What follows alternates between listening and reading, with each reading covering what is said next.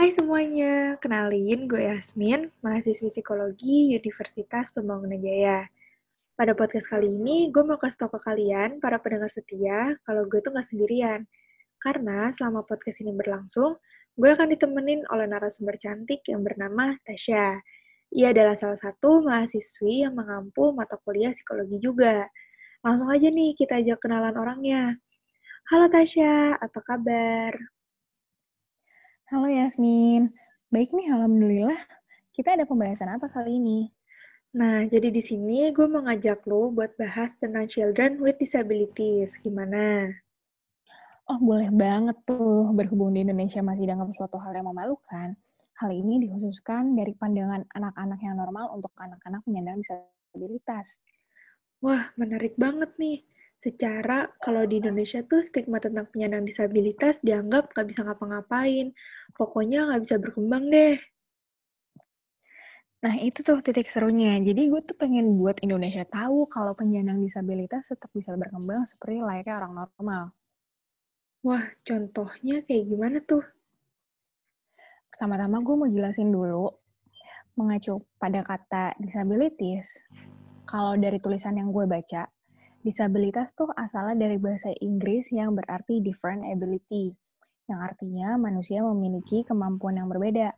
Kalau menurut Undang-Undang Nomor 8 Tahun 2016 tentang penyandang disabilitas, penyandang disabilitas adalah setiap orang yang mengalami keterbatasan fisik, intelektual, mental, dan atau sensorik dalam jangka waktu lama yang dalam berinteraksi. Terus ada jenis-jenisnya gitu nggak sih, Sya? Ada dong.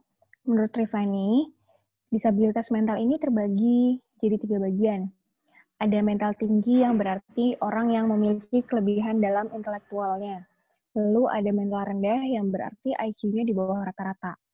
Dalam mental rendah ini dibagi lagi jadi dua, yaitu ada slow learners dan anak yang memiliki IQ dengan rata-rata 70 sampai 90. Nah, kalau yang IQ-nya di bawah 70 disebutnya anak berkebutuhan khusus selanjutnya lagi nih, ada berkesulitan belajar spesifik. Contohnya kayak disleksia, disgrafia, dan diskalkulia. Nah, di sini gue mau bahas tentang poin ketiga dari disabilitas mental, yaitu berkesulitan belajar spesifik. Gue mau tanya, uh, lo tau nggak tentang disleksia? Gue pernah baca, tapi nggak terlalu yang spesifik gitu sih. Oke, jadi gue mau jelasin dulu nih tentang definisi disleksia. Jadi disleksia itu asalnya dari kata Yunani. Yang pertama ada dis, artinya kesulitan, dan leksis berarti kata-kata. Dalam jurnal mengenali tanda-tanda disleksia pada usia dini, yang pernah gue baca, di jurnal tersebut menjelaskan bahwa disleksia merupakan kesulitan belajar primer berkaitan dengan masalah bahasa tulisan seperti membaca, menulis, mengeja, dan pada beberapa kasus kesulitan dengan angka karena adanya kelainan neurologis yang kompleks, kelainan struktur dan fungsi otak. Kalau dalam buku psikologi pendidikan milik Santrok, di buku tersebut menjelaskan bahwa disleksia adalah kategori yang di mana individunya memiliki gangguan parah dalam kemampuan mereka untuk membaca dan mengeja. Jadi, uh, disleksia ini pengidapnya akan kesulitan membaca secara lancar dan mereka juga sulit untuk memahami apa maksud dari kalimat tersebut. Kelihatannya sih kayak orang yang kurang fokus, padahal sebenarnya terdapat faktor yang memicu munculnya disleksia kayak bisa terjadi karena faktor keturunan atau karena adanya disfungsi otak pada bagian biokimia. Ciri-ciri orang pengidap disleksia tuh nggak akan kelihatan secara fisik, tapi kita bisa lihat dari perilakunya. Kayak kita bisa lihat dari keterlambatan mereka untuk berkembang dalam hal berkomunikasi, memiliki kesulitan untuk membedakan mana yang kanan dan mana yang kiri. Oh iya, Syah. Orang yang mengidap penyakit disleksia itu bisa sembuh nggak sih? Sebenarnya mereka tuh nggak benar-benar bisa sembuh. Tapi walaupun begitu, pengidap disleksia bisa diperbaiki. Maksudnya gimana tuh?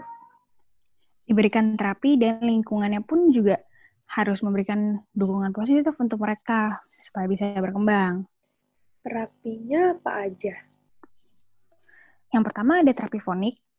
Terapi foni itu maksudnya dengan cara uh, nyuruh mereka untuk mengidentifikasi suara. Jadi kita suruh mereka untuk identifikasi perbedaan bunyi vokal dan eh sorry bunyi vokal yang sama. Contohnya kayak gini, kalimat motor dan kalimat kotor.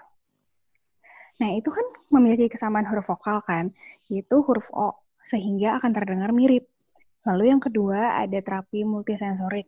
Nah, terapi multisensorik ini dilakukan dengan cara analisis pembentukan kata. Contohnya kayak gimana tuh? Contohnya, seperti kata belajar. Jadi kita mengucapkan kata tersebut lebih dahulu. Lalu kita nyuruh mereka untuk mengulang kata tersebut. Nah, kita juga harus tanya huruf apa aja yang dia lihat dari kata tersebut. Ada contoh lainnya nggak? Ada.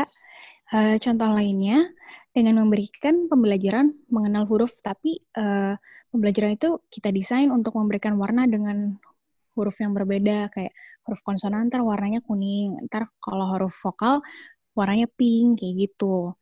Nah, terapi yang ketiga ada terapi yoga. Nah, tujuan dari terapi yoga ini untuk melatih mental dan fisik, melatih emosi, serta daya konsentrasi. Oh iya, bener juga ya untuk melatih daya konsentrasinya. Karena tadi sebelumnya lu sempat ngomong kalau orang pengidap disleksia itu kelihatannya seperti orang yang kurang konsentrasi ya. Betul banget. Nah, yang terakhir ada terapi ortopedagogi. Hah? Apa tuh? Gue baru dengar. Iya, jadi terapi ortopedagogi itu hampir mirip dengan terapi yoga. Karena fokusnya um, untuk meningkatkan konsentrasi, komunikasi, daya ingat, dan ketelitian. Oh gitu. Akhirnya gue paham nih apa itu penyakit disleksia. Menambah wawasan banget topiknya. Jadi disleksia itu beneran ada ya teman-teman. Kira-kira lo tau nggak Min gimana cara mereka belajar? Kurang tahu. Emang gimana sih? Sebelumnya gue mau tanya nih, lo masih semangat nggak sih buat dengerinnya? Uh, teman-teman yang dengerin gimana? Masih semangat juga kan? Masih dong ya, supaya kita supaya kita juga jadi nambah pinter karena kan nambah wawasan ya. Nah, jadi gue ada contoh kasus gimana sih orang pengidap disleksia uh, belajar. Nah, jadi ini ada anak laki-laki usia 18 tahun terkena diagnosis mengidap disleksia. Dia mengatakan kalau cara belajar anak disleksia itu dengan cara penulisannya hurufnya tuh cuma dibikin setengah aja. Kayak ada huruf O, dia tuh cuma tulis setengah lingkaran aja. Nah, contoh lainnya ada huruf V. Dia hanya menuliskan seperti kayak tanda atau gitu. Nah, jadi 40% penulisan dari huruf dia hilangkan. Nah, bertahun-tahun nih dia berjuang di sekolah tanpa adanya bantuan khusus. Dia gagal dalam semua mata pelajarannya kecuali desain grafis.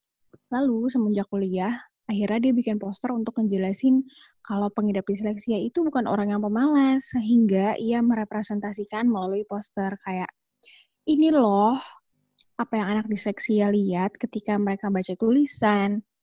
Nah, dia tuh pengen berbagi pengalamannya sebagai pengidap disleksia agar semua orang dapat memahami apa yang dilihat oleh pengidap disleksia. Jadi nggak semata-mata kalau mereka ini malas atau nggak berusaha, melainkan karena tulisan yang mereka lihat itu tidak sempurna, karena ada bagian dari huruf yang mereka lihat itu hilang sebagian, sehingga memperlambat mereka dalam belajar. Wah, keren ya cara dia berbagi pengalamannya sebagai pengidap disleksia, tanpa adanya emosi marah, melainkan juga mengedukasi. Eh, tapi sadar nggak sih sebagian huruf yang hilang itu uh, yang dilihat sama pengidap disleksia, itu tuh sekarang banyak yang menggunakan juga, kayak misalnya bentuk logo yang hanya dari huruf tapi cuma dituliskan setengahnya aja. Eh, iya ya. Berarti selama ini sadar atau tanpa sadar kita juga mempelajari pandangan pengidap disleksia dong terhadap tulisan. Iya. Nah, by the way, gak kerasa banget nih kita udah ngobrol panjang saking serunya. Wah iya, saking asiknya sih nih. Oh iya, gue ada saran nih buat kalian yang udah setia banget dengerin podcast kita dari awal sampai akhir. Jadi sekarang kalian udah tahu dong ya, orang-orang di luar sana yang memiliki kekurangan baik fisik maupun mental. Mereka juga memiliki potensi untuk bisa belajar seperti layaknya orang normal. Tapi hanya dibedakan dengan cara belajarnya aja. Dan terlebih lagi, Mereka juga punya hak untuk bisa sukses seperti kita. So, ketika suatu hari nanti kita tiba-tiba bertemu dengan orang yang memiliki kekurangan, kita bisa lebih memahami tanpa menghakimi. Juga memberi support ke mereka sebagai bentuk untuk menunjukkan kalau mereka juga bisa kaya kita. Lagian seperti moto Indonesia, Bineka Tunggal Ika, berbeda-beda tetapi tetap satu. Kita juga harus menerapkan itu dong ya. Nah, sekian dari sesi podcast kita kali ini. Tak lupa berterima kasih kepada Tasya nih, udah mau menjelaskan sebanyak itu sampai detail. Dan juga buat kalian yang udah dengerin podcast kita dari awal sampai akhir. Sama-sama, Min. Justru gue seneng karena bisa berbagi ilmu. Karena berbagi ilmu sama aja kayak berbagi pahala, kan? Bener banget. Ya udah deh, semoga kita masih diberi kesempatan untuk bertemu di lain waktu dan dengan topik yang gak kalah seru dari ini. See you, Tasya.